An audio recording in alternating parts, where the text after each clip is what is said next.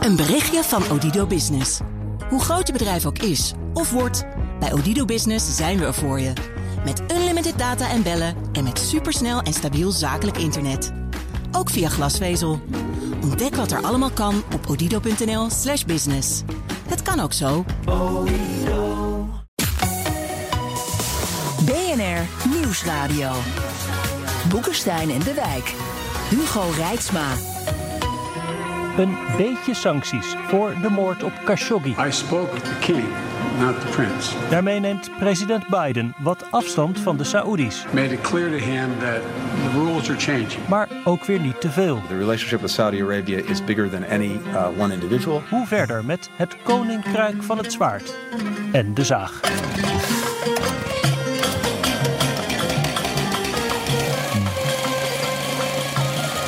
Bij Boekenstein en de Wijk. Op zoek naar de nieuwe wereldorde. Met in de studio het liberale geweten van dit programma. Ah, dat ben ik, dat ben ik. Het is Arend Jan Boekenstein. En van afstand komt tot ons vandaag de eeuwige realist Rob de Wijk. Onze gast is Mark Blaise, historicus en onder meer schrijver van het boek De Saoedi's, de ongewisse toekomst van een machtige oliestaat. Welkom Mark. Dank je. Is die toekomst van de Saoedi's nu nog wat ongewisser geworden? Het ongewisse is uh, of de leiding uh, het gaat houden en, en, en, onder welke omstandigheden de leiding het gaat houden. Ja. Arjan, uh, president Biden heeft nu een rapport vrijgegeven dat de kroonprins achter die moord zit met die zaag. Maar neemt geen sancties tegen hem. Is het niet een, is het niet een heel raar zwaktebod? Amerika verdient erg veel geld aan de wapenverkoop aan de Saoedi's. Dat hebben ze nu even opgeschort. Maar ja, die miljarden moeten natuurlijk wel weer betaald worden. Aan alle kanten zitten ze vast aan de Saoedi. En ze, en ze durven niet zomaar het Midden-Oosten te verlaten. Hè? Dus dat zijn grote, grote belangen. En uh, met eigenlijk is er nog niet zoveel veranderd. Moet je je voorstellen, twee jaar na al deze ellende... Hè, en ook trouwens een kwart miljoen mensen die in Jemen zijn vermoord... zijn er nog steeds geen uh, sancties voor de kroonprins hemzelf. Alleen maar dus de perpetrators van Khashoggi zijn nu... Ja, ja. Wat ik niet snap is dat, ja. dat uh, de Amerikaanse overheid aan de ene kant zo'n rapport laat maken waarvan je van tevoren kon, kon, kon, kon bedenken dat dit de uit, uitkomst zou zijn. Vervolgens is dit de uitkomst en dan zegt bijna ja, het is uh, heel verschrikkelijk. En uh, had hij niet moeten doen, maar vervolgens laat hij de deur op een grote kier staan. Ja, maar ja. het, is toch alles. Het was, en, en, en, was onder nou ja, Trump al gemaakt, hè, dat programma. Het is nu ja, vrij. Maar dan geeft hij dus uh, dan legt hij sancties op aan zijn ondergeschikten. Ja. En dat is wel te doen gebruikelijk hoor in uh, de internationale betrekkingen. Uh, kijk naar Lukashenko, de leider van Rusland. Kijk naar Poetin, de leider van, van Rusland die worden ook niet door sancties getroffen. Hè? Uh, terwijl daar natuurlijk alle reden voor is om dat wel te doen. Maar je wil dus absoluut met een staatshoofd, en laten we er nou van uitgaan, uh, dat de huidige koning het niet meer helemaal goed uh, doet. en dat de huidige kroonprins de nieuwe koning wordt en het de facto staatshoofd is.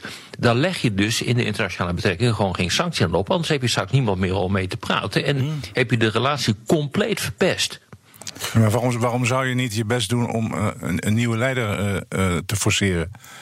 Nou ja, nou ja, weet je, daar gaan ze natuurlijk wel zelf over. En uh, met, met uh, zeg maar regime change operaties heeft Amerika wel een hele slechte ervaringen opgedaan hoor. De afgelopen, de, de afgelopen decennia. Dat lukt bijna nooit. Want dan heb je toch zoiets, ook als Saoedi-Arabië, van uh, bemoei je even met je eigen zaken. Hier gaan we zelf over. Nee, maar wat, wat Mark denk ik bedoelt is van. Ja? Kun, kun, je de druk op een intelligente manier verhogen? Dat zou overigens niet betekenen sancties voor, MBS persoonlijk, want dat is natuurlijk onhandig, want kan je niet meer praten. Maar wel de prijs uh, van zijn gedrag hoger maken. Kijk, binnen dat Saoedische koninkrijk, het is vrij instabiel. Hè? En er zijn heel veel mensen boos, zoals Mark prachtig uitlegt in dat mooie boek van hem. Uh, en dat betekent dat je zou misschien zo kunnen schaken dat, er, dat de interne tegenstellingen toenemen. En dat er misschien een andere kroonprins uh, over, over een aantal jaren koning wordt. Dat is wel iets ja, wat... daar heb ik ook wel eens aan gedacht hoor. Ja. Daar heb ik ook wel eens aan gedacht. Dat, uh, maar dat doe je Dat signaal geef je al door niet met de kroonprins te gaan praten, maar met de koning. Ja. Ja. Waarbij je natuurlijk nog even moet afvragen van wat die koning nou eigenlijk mee heeft gesprek, uh, gekregen van dat uh, gesprek. Die is inmiddels heel oud, hè? Die hangt in de touw. Ja, hij is oud, maar hij schijnt ook toch wat de mensen trekken te krijgen. Ja, ja, dus dat is nou toch ook niet echt een, een, een voordeel. Dus wat hij mee heeft gekregen... Uh, uit dat gesprek met Biden, dat is mij volstrekt onhelder. Uh, maar dat het een, een signaal is in de richting van de kroonprins, is Zeker. natuurlijk wel groot. Ja, de roddel, de roddel, in, de roddel in, in Riyadh is dat uh, koning Salman inderdaad aan het dementeren is en nog één keer per week bridged met vrienden en eigenlijk alles aan ze voorbij laat gaan. En dat zijn favoriete zoon, als dat nog zo zou zijn en zo is, alle taakjes in handen heeft. Wat hij wel had kunnen doen misschien, is ja, het, het, het, de, de, de vele, ik denk wel honderdduizenden studenten die in Amerika wonen en studeren. Uh, bijvoorbeeld de visa van hun ouders uh, weigeren, zodat, ze, zodat de mensen in Saudi-Arabië denken: verdorie. door het gedrag van onze leider kunnen wij onze kinderen niet zien. Want de onvrede in Saudi-Arabië, dat vergeten we wel eens, is, is echt vrij groot. Er zijn te weinig huizen, er is te weinig werk. Er is best een latente armoede onder Saudis, niet alleen onder de, onder de immigranten. Kortom, ja, het is niet zo heel erg moeilijk om, om een, een soort van beweging van binnenuit te stimuleren.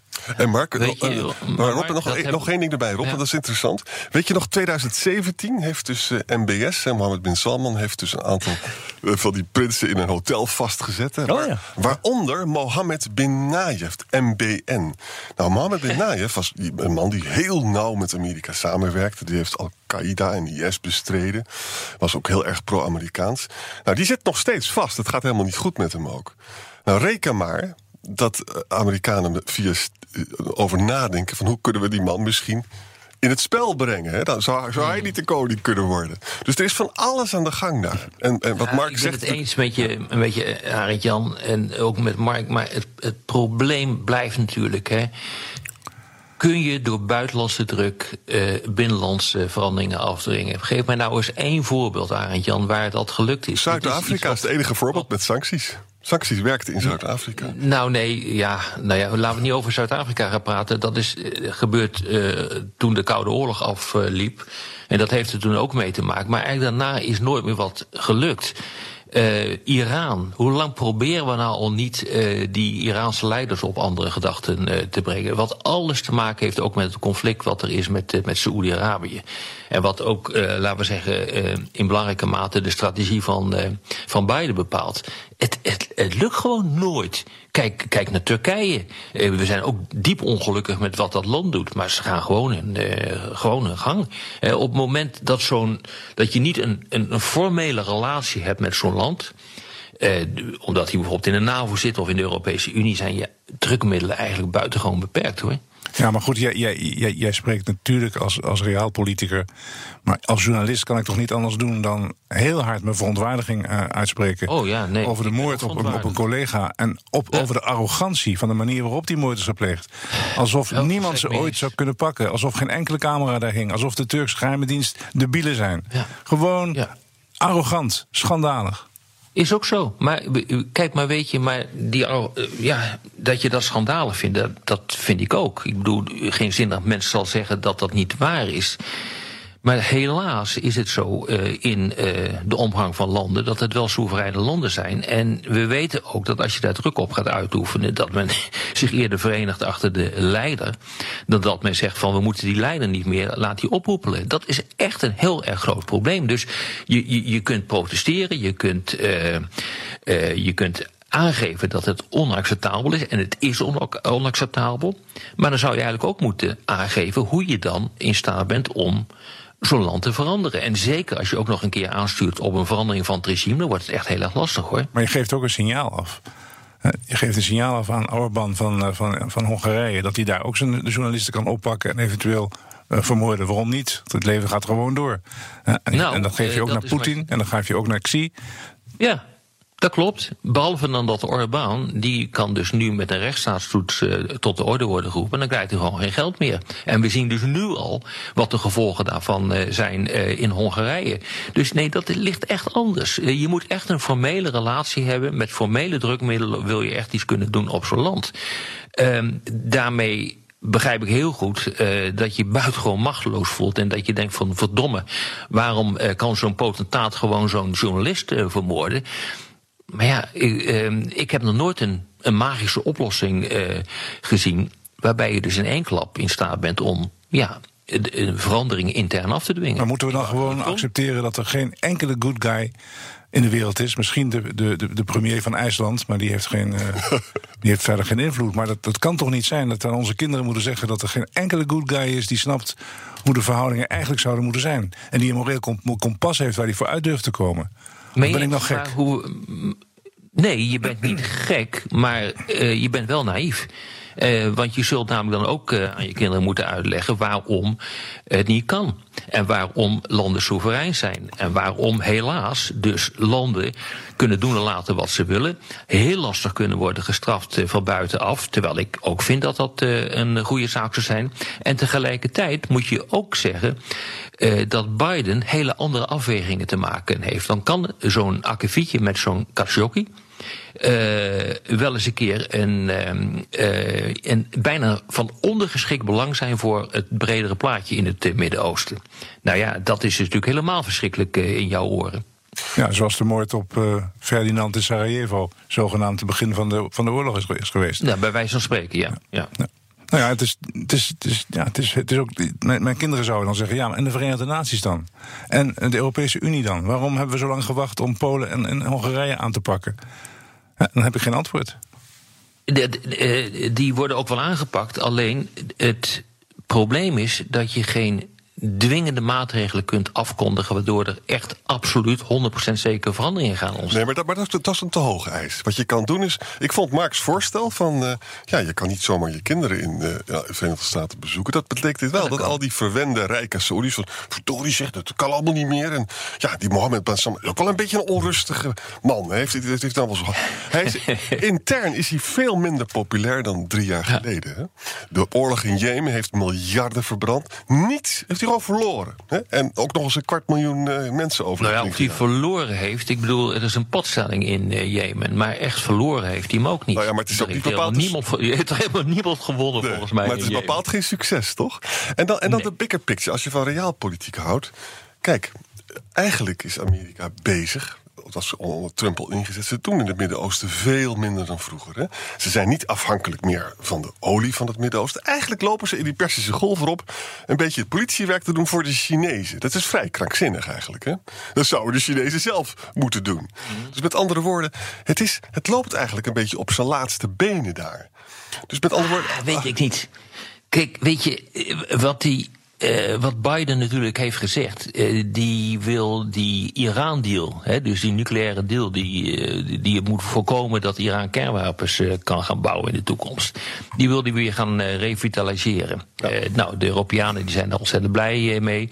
Daarmee moet hij dus een toenadering zoeken tot, tot Iran, tot de Ayatollahs. Ja. Dat vindt Saoedi-Arabië verschrikkelijk. Want Iran is de grote vijand. Ja.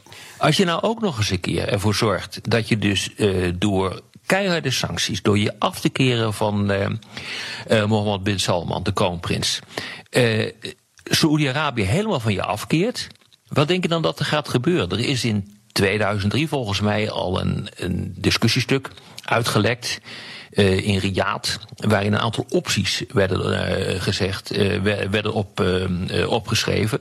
Over wat je dan zou moeten doen als je geen veiligheidsgarantie meer zou hebben van de Verenigde Staten. Want die heeft die.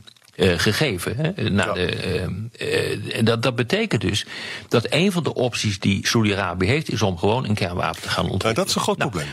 Dat, en dat gaan ze absoluut doen ja. als Amerika Biden zich compleet af gaat keren van Saoedi-Arabië. Dus hij moet, hij moet goede relaties onderhouden met het land. En hij moet tegelijkertijd uh, de kroonprins duidelijk maken dat wat hij doet onacceptabel is. Nou, hartelijk gefeliciteerd. Probeer daar maar eens uit te komen. Ik ben blij te horen dat we via, wat hadden we, uh, Hongarije en IJsland, dat we nu weer teruggekeerd zijn uh, in de regio. Dat lijkt me een goed moment voor even een korte onderbreking.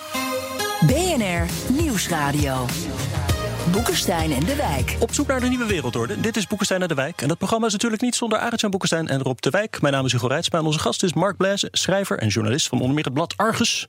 En uh, het boek over Saudi-Arabië. En wat is het nieuwe boek? Dat, het nieuwe boek eh, gaat heten, of heet De Adviseur. Met als ondertitel Drie jaar fluisteren tegen een dictator. En het gaat over mijn dilemma's bij het adviseren van een Afrikaanse dictator. Dat wordt een bestseller nu dat hier genoemd is. Zeker. Interessant. ja. Niks voor betaald. um, we waren weer terug in de regio. Oh ja, en ik bedoel, we hadden Hongarije en IJsland al behandeld, maar uh, Jemen en Iran nog niet zo heel erg. Wat is het, hetgeen Biden hier nu probeert te doen met betrekking tot het Midden-Oosten? Nou, we moeten misschien even doorgaan wat Rob net zei, want dat is echt een heel interessant dilemma. Amerika probeert nu, met steun van Europa natuurlijk, maar Europa is niet machtig, om die Iran-deal uh, te herstellen. Uh, aan de ene kant zou je kunnen zeggen, de Saoedi's, de Soenitische wereld, zou het heel fijn, fijn vinden als er een kernwapen voorkomen wordt in Iran. Dus daar zit wel een beetje mogelijkheid. Maar aan de andere kant is het zo, als ik de Saoedi's zou adviseren, zou ik zeggen, van ik zou sowieso in het grootste geheim met een kernwapen beginnen. Want je wordt verrekte serieus genomen in de wereld als je, als je die bom hebt. Mm. Hè? Dus met andere woorden, ik denk dat ze er al mee bezig zijn. Net zoals ik denk dat, dat Erdogan daar wel plannen heeft. En Japan ja, zeker ook. Weet, ja, het is, het is, ik weet niet het is, of dat zo is. Hè? Een van de een van de opties die genoemd werd in dat stuk is om een deal te sluiten met een ander land. En vermoedelijk is er een deal met Pakistan, maar dat weten we niet 100% zeker. Daar hebben ze heel veel invloed in Pakistan. ja? ja? en dan zouden ze dus gebruik kunnen maken van een in uh, Pakistan gefabriceerd kernwapen. He, die, die, die, die, suggesties worden gedaan op dit ogenblik. En dan moet je eens bedenken Mark, dat... heb jij daarvan gehoord? Ja, ik, ik nou, wel. Ik heb in, in mijn boek uh, gesuggereerd dat ze niet voor niks kerncentrales aan het bouwen zijn. als een soort van ja. cover-up voor ander onderzoek. We weten precies ja. wat we daarmee bedoelen. Ja. Want in, in, het, in, het, in, het, land van de olie is het natuurlijk een beetje raar. om peperdure kerncentrales te gaan neerzetten. en, en de Fransen zijn zo hypocriet om dat, dat te, te, te, te, mogelijk te maken. Uh, daar is ook kritiek op natuurlijk. En als de Fransen het niet doen, dan doen de Russen het wel. En enzovoort enzovoort. Maar dat is volgens mij een cover-up voor binnenkort eigen initiatieven te nemen en een bom te bouwen. En bovendien. Maar, maar, maar hoe zit je. Maar dan, maar dan heb je dus ook je eigen dilemma. En het dilemma wat ik net heb uh, beschreven, uh, ge gecreëerd. Uh, namelijk, als je je al te zeer tegen Saudi-Arabië gaat afkeren je, je draait dat eh, land de rug toe, dan gaat het gewoon een kernwapen. Nee, nee, je moet ook niet, je moet je niet het land de rug toedraaien. Maar we moeten niet alleen maar kijken van hoe, hoe zielig uh, Mohammed bin Salman zou zijn als de Amerikanen wat afstand nemen. Hij, hij, heeft ook belang bij uh, dat de Amerikanen bij hem in de buurt blijven. Anders is hij ook maar Zeker. zeer alleen. Zeker. Ja. En dat geeft dus ook weer kansen. Hè? Want het economische beleid van Saudi-Arabië is niet goed. Allerlei economen, Saoedische e economen in, in Amerika, één daarvan die heeft erover getwitterd. Hup, gelijk uh, kop eraf ook. Hè? Zo gaat dat. Dus veel Saoedische studenten, zeker in Amerika ook, hebben second thoughts natuurlijk over. De duurzaamheid van een dictatuur in deze moderne wereld moet je ook niet overschatten. Dus er zijn best kansen. Er zijn best kansen waarop heel erg gelijk heeft als zij erin slagen. Kijk, ze, ze bezitten ongeveer Pakistan. Hè. Het Saoedische geld heeft in, in Pakistan al die madrassas gefinancierd en zo. Dus het is een klein kunstje om die kennis daar te hebben. Dus, en maar als, als zij echt een kernwapen zouden ontwikkelen en hebben, dan is het een totaal anders. Hè. Dan, is, dan, dan durven we helemaal niks meer. Ja, goed, we, we, durven ook, we durven ook nog steeds te kijken naar Pakistan en India. Waarvan we ook dachten van, oh mijn god, dat wordt een, een permanente dreigende kernoorlog. Er is ook iets voor te zeggen, maar ja, dat is natuurlijk gevaarlijk om dat te doen. Uh, dat je de balans uh, creëert. En uh, de, de, een kan de ander kapot maken. En dus kan de ander de een kapot maken. En daarom gebeurt er niks. En, dus heel lang is dat, ja, is, dat, is dat de filosofie ja, geweest. Ja. Dat vindt Rob nee, volgens mij ook. Maar, Mark, maar, maar dat, dat, daar heb je helemaal gelijk in. Maar het probleem is dat de aanloop naar het hebben van een kernwapen is instabiel. De, de, de, het probleem zit hem niet in het hebben van een kernwapen. Als dat zo is, dan ontstaat er een nieuwe feitelijkheid. Zie Noord-Korea. Maar op het moment dat twee landen uh, tegen elkaar gaan opbieden en in een race zijn verwikkeld met, uh, om kernwapens te gaan ontwikkelen, dan ontstaat er een gigantische instabiliteit. En daar ben je bang voor. En dat is ook precies wat je met die Iran-deal ja. uh, wilt voorkomen. En wat is, en wat is dit, dit, dit, dit scenario? Mohammed bin, bin Salman heeft uh, nauwe contacten met de geheime dienst in Israël. De toenadering tot Israël uh, is best verrassend. Israël ja. heeft, ik weet niet eens of dat officieel is, maar heeft zeker een kernwapen. Uh, laten ze het Israëlische ja. kernwapen inzetten tegen Iran. Huh? Daar hebben ze allebei belang bij. Dat zou ook nog ja, ja, maar zo werkt dat natuurlijk niet. Want je kunt nooit een ander land vragen om een kernwapen in te zetten. Waardoor je misschien zelf wel wordt eh, getroffen. Uh, dus ik bedoel, dat, dat, dat gaat niet. Maar je, maar je hebt een gezamenlijke vijand. En de ene heeft een, heeft een kernwapen. En uh, dat, ja. daarmee kan je misschien Iran onder druk zetten. Maar je wilt het liefst zelf hebben, Ah. natuurlijk. Ja, je wilt het liefst zelf hebben. Maar dan moet, je, dan moet je natuurlijk wel ook een formele relatie hebben met elkaar. Hè. Dus eerst heb je die, uh, die relatie uh, zien verbeteren tussen Israël en de Verenigde Arabische Emiraten. Je hebt uh, terecht zo net gezegd dat dat ook nu onder MBS gaat gebeuren. lijkt het althans, hè. Ja. Tussen Saoedi-Arabië en, en, en Israël. Er is een geheime ontmoeting geweest hè, tussen de kroonprins en Netanyahu. Waar de Amerikaanse minister van Buitenlandse Zaken Pompeo overigens bij aanwezig was. Ja. Dus de, interessant genoeg is dat dus een erfenis van Trump. Hè? Ja. En die, die erfenis van Trump uh, zal Biden dus absoluut niet willen verkwanselen. Dus dat is een extra reden om aardig te zijn tegen Mohammed bin Salman. Maar wacht eens even, Pompei die dacht dus een paar jaar geleden dat als Amerikanen nog meer zouden, steun zouden geven, dat Mohammed bin Salman die oorlog in Jemen zou winnen. Dat was dus een kardinale inschattingsfout. Weet je wat ik wil zeggen, Rob, is dus nog dit van. Is het mogelijk om Mohammed bin Salman te beïnvloeden? Hij is zo geschrokken nu van de reactie van Biden dat hij opeens vrede wil weer gaan sluiten met Qatar. Qatar is moslimbroederschap. Mm. Moslimbroederschap is universeel. Het Saoedische vorstenhuis haat universele moslims, want die zouden wel eens tegen het koningshuis kunnen zijn. Hè? Nou, de relatie tussen Qatar en Saudi-Arabië is helemaal uh, versteerd. Hè? Je mag er zelfs niet eens overheen vliegen. Nu opeens zegt hij van nou, we kunnen misschien met Qatar wel weer vrede gaan sluiten. Dat betekent dus dat hij is beïnvloedbaar. Dat is interessant ja, voor onze discussie. Ja, ja, dus moet je dus niet doorpakken. Dus moet je, moet je hem niet helemaal aan de schoonpaal Nee, maar dat is ook zo. Maar, maar we kunnen... En als hij dus, dat wordt hij dus nu niet. Hij wordt nu niet compleet aan de schoonpaal ja. genageld. Maar iedereen weet dat het een totaal foute man is. Ja. Dus in die, in, de, in, in die zin is dus wat Biden doet buitengewoon verstandig. Hij houdt grip op Saoedi-Arabië, hij houdt grip op, uh, uh, op de kroonprins. Uh, realiseer je dat er nog een ander punt aan ten grondslag ligt, en dat is de Saoedische steun voor allerlei terroristische organisaties elders in het Midden-Oosten. Ja. Dus dat wil je ook niet dat dat uit de klauwen loopt. en dan, op, dan, dan geef je dit een tijdje, en dan na een anderhalf jaar of zo, dan is de dooi daar en kan je gaan praten met Bin Salman, de, de kroonprins. Ja, om ervoor te zorgen dat een aantal van die, die dingen die je gewoon graag wil, vrede in Jemen, einde aan die steun voor die, voor die terroristen, een, een, een goede deal met Iran. Want daar heb je hem toch uiteindelijk voor nodig, zoals het er nu, uit, nu uitziet. En dan kan je dat er gewoon doorheen drukken. Ja, het, het, wat, is wat het is. Het is toch ook wel aardig om af en toe naar die landen zelf te reizen. En bijvoorbeeld hm. gekke dingen te zien, zoals in een hotel gaat de lift open en komt de halve koninklijke familie van Qatar ineens in Riyadh. Uh, ja. een kopje thee drinken. En dan zeg je daar iets over tegen je gesprekspartner. En die zegt, ja, maar goed, het zijn allemaal neven. Die komen hier de hele tijd. Ja, ja. Die, die, ruzie, dat is natuurlijk, uh, is natuurlijk deels voor, uh, voor de buren. Ja. Maar we blijven natuurlijk gewoon familie. En als je, als je naar de grens met Jemen gaat, dan zie je alle Saoedische soldaten aan de Saoedische kant zitten. En in Jemen vechten huurlingen voor de hoofdprijs. En de vliegtuigen van de Amerikanen die ze kopen, die vliegen zo hoog omdat die piloten zo bang zijn geraakt te worden, dat die bommen natuurlijk een ziekenhuis treffen en, en, en, niet, en niet soldaten. En dus de, de werkelijkheid achter de werkelijkheid is eigenlijk ook ontzettend interessant. Wow. Mm -hmm. Ik ben eerlijk gezegd een beetje de draad kwijtgeraakt. Maar ik heb het gevoel dat we tot een soort natuurlijk einde aan het komen zijn van, uh, van dit gesprek. En op de radio ronden we af, maar in de podcast gaan we door met luisteraarsvragen. Luistert u op de radio, dan verwijs ik naar Apple Podcast, Spotify of boekensteinendewijk.nl. Art Warnink. Oh, heeft geen vraag, maar een dilemma. Hij zegt olie van de Saoedi's of gas van de Russen. Leuke. Wil iemand hier uh, keuze in maken? Nou ja, je hebt dus ook je hebt de natural liquid gas in uh, Qatar, hè, toch?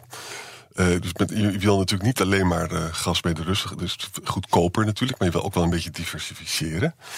En daarvoor heb je dan wel weer Amerika nodig, maar ook het Midden-Oosten. En ook Shell. Ja, dat is waar, maar de crux zit hem gewoon in waterstofgas. Ik weet niet of daar nog vragen over komen. Maar dat is echt gewoon een, een, een heel interessant iets. Kijk, um, een van de, de grote dingen die we in Europa willen is ja, vergroenen. Uh, daar, je, dan kun je niet zonder waterstofgas. En ja. we weten ook dat we dat in Europa niet kunnen uh, fabriceren in voldoende kwantiteiten, omdat we gewoon Ehm, ja, te weinig zon en te weinig wind hebben. Daar komt het feitelijk op neer. Een land die dat wel kan is Saoedi-Arabië. Uh, op dit ogenblik wordt er geëxperimenteerd met het omzetten van natuurlijk gas in waterstofgas. Dat wordt ook geëxporteerd. Uh, maar er is een gigantisch project dat uh, in, in een nieuwe stad, Neom, dat ligt uh, bij de Rode Zee, waar door middel van windenergie en zonne-energie, en dat is in zeer overvloedige mate, wordt gekeken of je waterstof kunt, gas kunt maken door middel van groene energie. En dat kan. En dat wordt dan geëxporteerd bijvoorbeeld naar Europa. En dan blijven we dus gewoon afhankelijk, ja. interessant genoeg, van, uh, van de energie ja. die uit, uit het Midden-Oosten, in dit geval Saoedi-Arabië, ja. komt. Dat houdt, dat, hield, dat houdt verband met het grote plan. Uh, wat ook weer de kroonprins heeft gelanceerd. Vision 2030 heet dat volgens mij om te komen tot een hele nieuwe stad. Zeer futuristisch, zeer geavanceerd, enorm innovatief. Ja, en Rusland, die wordt hier gewoon uiteindelijk de dupe van. Dus als je moet gaan kiezen, dan kies je automatisch niet omdat je het fijn vindt, maar omdat het niet anders kan, voor waterstofgas en voor energie die uit het Midden-Oosten, CQ, maar, maar dat kan ook in Noord-Afrika. Ja, Nee, dat, dat, gebeurt ook. Het is, het is, goed dat je even ja. Neom uh, noemt erop. Want uh, dat is ook weer zo'n probleemgeval in Saudi-Arabië. Mm. Een enorme belofte. Hè. Dit wordt de stad van de toekomst. Wij worden het centrum van de wereld van innovatie. Prachtige plannen. En wat staat er nu? Na drie jaar paleizen voor de koning en voor de kroonprinsen. ja. En er is verder nog niks gedaan. Klopt. Nee, er is 5 miljard nu gestoken. En dat is niet uh, zonder betekenis. 5 miljard gestoken in een waterstoffabriek. Uh, uh, dus, en die wordt nu ook gebouwd. dus het, het, het is echt wel onderdeel uh, dat megalomane uh, project uh, van een energietransitie die ze daar ook moeten, toe, moeten doormaken, omdat ze anders gewoon failliet gaan. Maar ze zijn razend slim. Dit is allemaal heel goed voor hun imago. Maar of het echt ja, gaat gebeuren, zeker. dat moeten we nog afwachten. Ja. Moeten we inderdaad nog maar zien. Ja. Ze geven meer uit aan lobbyisten en communicatiebureaus dan dat ze echt uh, bakstenen doen. Hè? En dat verdient het Westen overigens ook weer aan. Hiermee ook uh, antwoord op de vraag van uh, Mark Zuiderwijk, inderdaad over groene waterstof. En of uh, Saudi-Arabië hmm. dan net zo'n bepalende rol zou kunnen gaan spelen als ze nu doen met olie. Dat is dus wel het plan. Maar Mark, je, je hebt de enige sceptisch ja, over of het echt goed gaat daarmee. Nou, van, van de meeste beloften is niks terechtgekomen. Ja. Zowel op het gebied van. Dit is een belofte, Mark, die wordt afgedwongen door het buitenland. Door de vraag die komt uit het buitenland. Wij moeten wat. Wij ja. moeten waterstof. Ja, en zij moeten iets bedenken om geld te verdienen. Dus het zou, het zou kunnen gebeuren. Ja. Ja, Daarover. Dus die kans is vrij groot hoor. Dat dat, uh, dat, dat ja, Rob, ik geloof je. uh, vraagt Calcolo ergens om. De olielanden hebben een minimum olieprijs nodig om hun verzorgingsstaat te bekostigen en de bevolking koest te houden. Gaat dat de Saoedi's lukken met de huidige olieprijs en met zonne-energie? Kunnen ze de bevolking tevreden houden? Je hebt al verteld over de, de onvrede die, uh, die er is, maar. Ja, er zijn, er zijn de afgelopen jaren uh, is duidelijk, ook in Saudi-Arabië, dat de dalende olieprijs gevolgen heeft. Er is voor het eerst belasting geheven. Er is voor het eerst BTW ingevoerd. De benzine is, nou ja, ik denk van 15 cent per uh, gallon, dat is 2, 3 liter of zo, naar 18 cent in één keer. Nou ja, dat is voor ons natuurlijk waanzinnig goedkoop, maar daar een enorme ramp. Want ze rijden allemaal in auto's die 1 op 1 op 2, 1 op 3 rijden. Uh, de, dus de, de, de, economische druk op de bevolking, op de gewone Saudi, is, uh, is groot. En uh, natuurlijk hopen zij dat NEOM en dat plan voor 2030 uh, een herleving van, van, van de economie en een diversificatie van de economie, dat dat echt wel gaat lukken. Want als je alleen maar op olie hangt, dan, dan zoals bij alle mono-economieën, dan, dan ben je de pineut. En als de olie dus minder gewild is in deze wereld over een paar decades. Hè, dan is de hele handout-structuur. Het is, het is geen democratie. Hè? Wij hebben no taxation without representation. Ze hebben geen belasting. Mm. Dus hebben ze ook geen democratisering. En dus alles gaat via handout. De, de, de, de, de prinsen gaan letterlijk met een tent de woestijn in. En dan kom jij langs, Hugo, van ja, ik heb zo'n zo'n rugpijn. Ik moet wel mijn mastertitel afmaken. Nou, dan krijgen, geven we 10.000 euro geven aan Hugo. Hè. En dan komt Mark. Ja, ja, ik wil toch met de kinderen op vakantie. Nou, dan krijgt hij een tent. Zo gaat het. het is, het is ik, ik, kreeg helemaal niks. Ik ben, ik ben ook met die prinsen in de, in de woestijn gaan, gaan zitten. En ik, die, hebben mij uitgehoord. Ik kreeg helemaal niks terug. Gelukkig had ik een paar biertjes bij me. En dat werd dan als, als koffie geserveerd. Nou ja, het is, het is, het is een, een waanzinnig land. Waanzinnig. Over, overigens moet je er gewoon naartoe hoor. Want het is ook prachtig. Ja, het is heel mooi. Ja, ja, zeg maar, een aantal jaren geleden zijn er toch wel opstanden geweest. Sociale onrust vanwege die lage olieprijzen. Omdat, ja, daarmee, kijk, je, met die olieprijzen, hoge olieprijzen, daarmee kun je sociale onrust afkopen. Dat is ook het moment geweest, volgens mij, wanneer was dat, Mark? dat ze voor de eerste keer hebben moeten lenen bij het IMF. Ik zou het niet Weet weten. nog? Nee. Dat is denk ik in 2015 geweest. Moet je voorstellen. Op die tijd. Ja, en uh, dat heeft er behoorlijk in uh, gehakt, omdat dat ook tot sociale problemen heeft uh, geleid. Nee, goed, dat kan, en dat kan het Koningshuis zich totaal niet veroorloven. Vandaar exact. dat plan dat enorm pompeus is gelanceerd van 2030. Vandaar dat ja. gigantische megalomane neom. En even heeft iedereen gedacht, hè, hè, eindelijk hebben we een, een jonge, dynamieke kroonprins... Die, die snapt hoe de wereld in elkaar zit. weg uit die tent en uit het zand. En nou blijkt het toch weer een, ja, een Abdullah uit Kuifje te zijn. Ja. Sam Zarian vraagt: De levering van Amerikaanse wapens aan Saoedi-Arabië staat momenteel on hold. Tot de regering Biden zeker weet dat deze niet gebruikt zullen worden in Jemen. Is dit schone schijn of een mogelijk keerpunt in het conflict? Nou, in, ieder geval wat je, in ieder geval wat je kan zeggen is dat. Uh, kijk, luister eens. Het geldt voor de Fransen, het geldt voor de Duitsers, maar het geldt absoluut voor de Amerikanen. De defensieindustrie verdient miljarden in het Midden-Oosten. Is daar ook totaal verslaafd aan. Hm. En de lobby van de defensieindustrie in het, in het Witte Huis is, is gigantisch. Dat betekent dus, je kunt, het staat nu even onhold, maar dat moeten, die centen moeten wel komen natuurlijk. Hè. Je, je voelt al. Aan de andere kant, weet je, Arend Jan, hij heeft natuurlijk ook een, uh, een gezant uh, ingesteld. Uh, die daar de vrede moet gaan brengen. Hm. Het is, er is een padstelling. Hè, dat is wel een klassieke randvoorwaarde om tot een oplossing te komen. Hè. Als een van de partijen nog de mogelijkheid heeft om te winnen, dan doen ze dat. Nou, die hebben ze gewoon niet in die burgeroorlog die daar gaande is. Uh, dus er is wel aan alle kanten toch wel enige bereidheid en, om wat vorderingen te maken. De afgelopen jaren zijn er ook hier en daar wat vorderingetjes gemaakt. Maar als uh, Biden nu zijn volle gewicht erachter gaat zetten, en dat heeft Trump natuurlijk niet gedaan, die heeft juist alleen maar gesteund, dan zou er wel eens wat kunnen gaan veranderen hoor. Ja, we, hebben het, we hebben het heel vaak over geld als het over wapens gaat, maar het is voor de wapenindustrie ook belangrijk om te testen. dus als je in een echte oorlog kun je kijken of die, of die dingen het allemaal ook echt doen. Dus wat dat betreft was Jemen geweldig uh, terrein.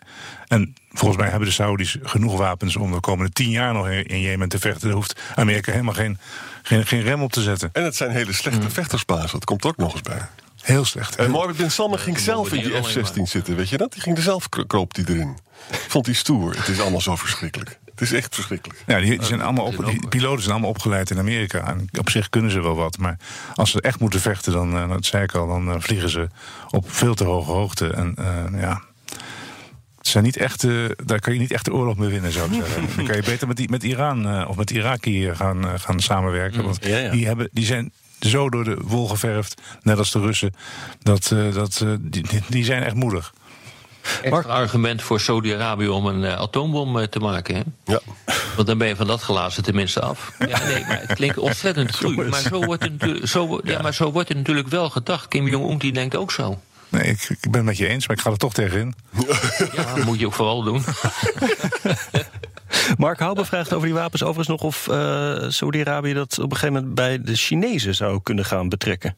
Moeten we China nog verder noemen in, in verband met het nieuwe Midden-Oosten? Ja, zeker. Eh, er is natuurlijk al een zwaai eh, vanuit Riyadh in de richting van Beijing. En als Amerika Saudi-Arabië kwijt zou zijn, ja, dan gaat Saudi-Arabië natuurlijk gezien het conflict wat er is met Iran op zoek naar nieuwe bondgenoten. En dan kom je vrij snel terecht bij, uh, bij, bij de Chinezen. Dat, dat kan niet anders. En China zit ook dik in Iran en die wordt dan heel veel machtiger. Ja. En dat is precies ook de reden waarom Amerika er nog even wil blijven zitten. Ja, ja die wordt dan het oliemannetje. Ja. Want die heeft dan uh, goede relatie met iedereen. Ja, dat klopt.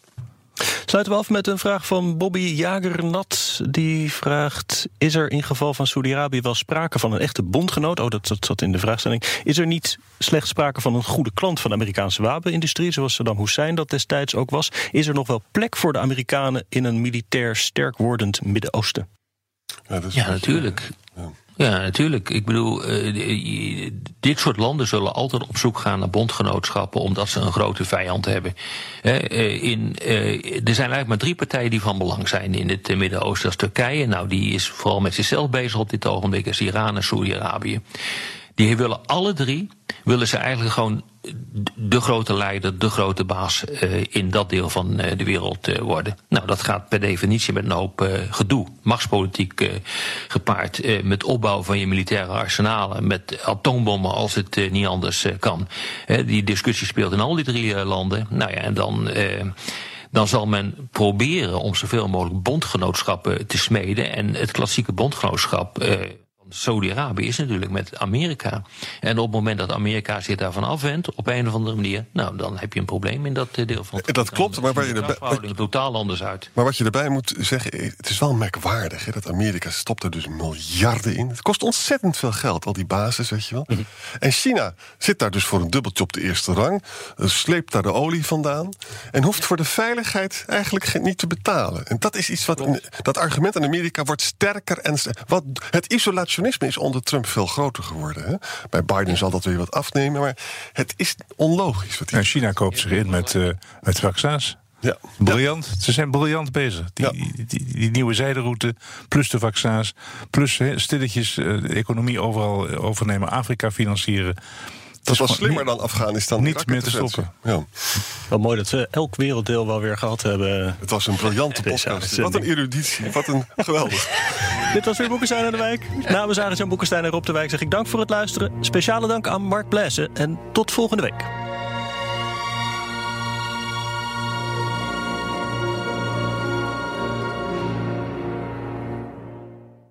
Een berichtje van Odido Business. Hoe groot je bedrijf ook is of wordt, bij Odido Business zijn we er voor je. Met unlimited data en bellen en met supersnel en stabiel zakelijk internet. Ook via glasvezel. Ontdek wat er allemaal kan op odido.nl/slash business. Het kan ook zo.